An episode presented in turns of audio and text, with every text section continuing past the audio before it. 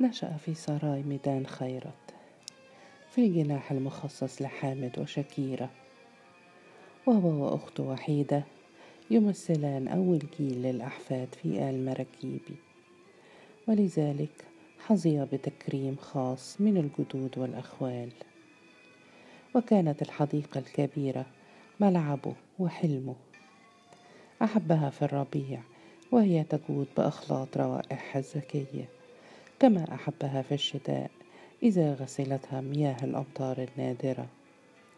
وارتبط بأمه أكثر من أبيه لانشغال أبيه بعمله. وارتبط بها أكثر كلما لمس آثار محنتها مع أبيه. وكان قوي الجسم كأبيه حسن الملامح كجده. ولكن أمه ربته تربية دينية أرستقراطية رفيعة فنشأ ذات ضمير ومبادئ. وكان عنيدا كأمه مما أضفى عليه شبهة غباء. هو في الحقيقة أبعد ما يكون عنها وأكد ذلك تشدده في الحكم على الناس بالقرآن والسنة دون تسامح أو لين. وربما كان أبوه أول ضحاياه رغم حب الرجل الشديد له. هو أيضا كان يحب أباه ولكنه رآه مبتذلا ووضعه في خانة واحدة مع الخطاة والساقطين ولم يخب موقفه عن غريزة حامد. وشكى أمره إلى أخيه عامر قائلا شكيرة أنشأتهم على النفور مني. ومن أجل ذلك قال عامر لصالح مرة أنت رجل صالح يا صالح. فلا تنسى البر بأبيك. فقال صالح ما أهملت له حق أبدا. فقال عامر لعله لا يقنع بالرسميات. فقال صالح بصراحته الحادة إنه يظلم ماما يا عمي.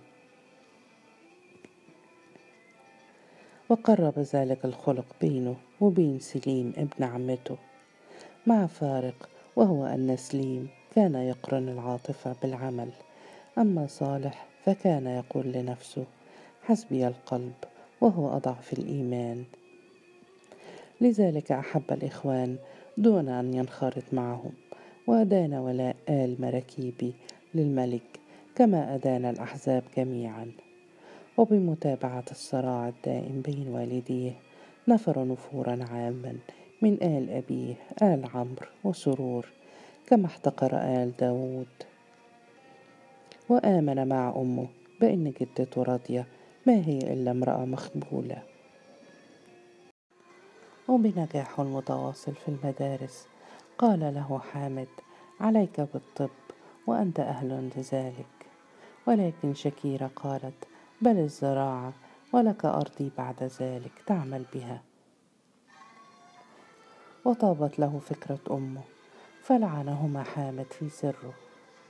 وبعد تخرجه في الزراعة سافر إلى بني سويف مصمما على خلق مزرعة حديثة من أرض أمه التي ورثتها بعد وفاة جده. وخطب إحدى قريبات جدته نازلي هانم وتدعى الفدان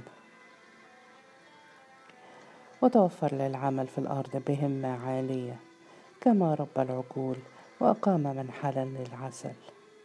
وارتدى ملابس أعيان الريف ولم يكن يرتدي البدلة إلا حين زيارته للقاهرة.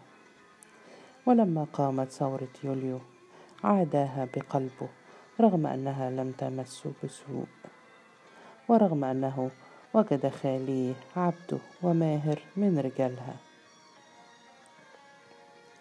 وفي عهد الانفتاح اتسع رزقه وكثرت ذريته وظل على ولاء لمبادئه وازداد استياء من أبيه بعد تطليقه أمه وزواجه الثاني.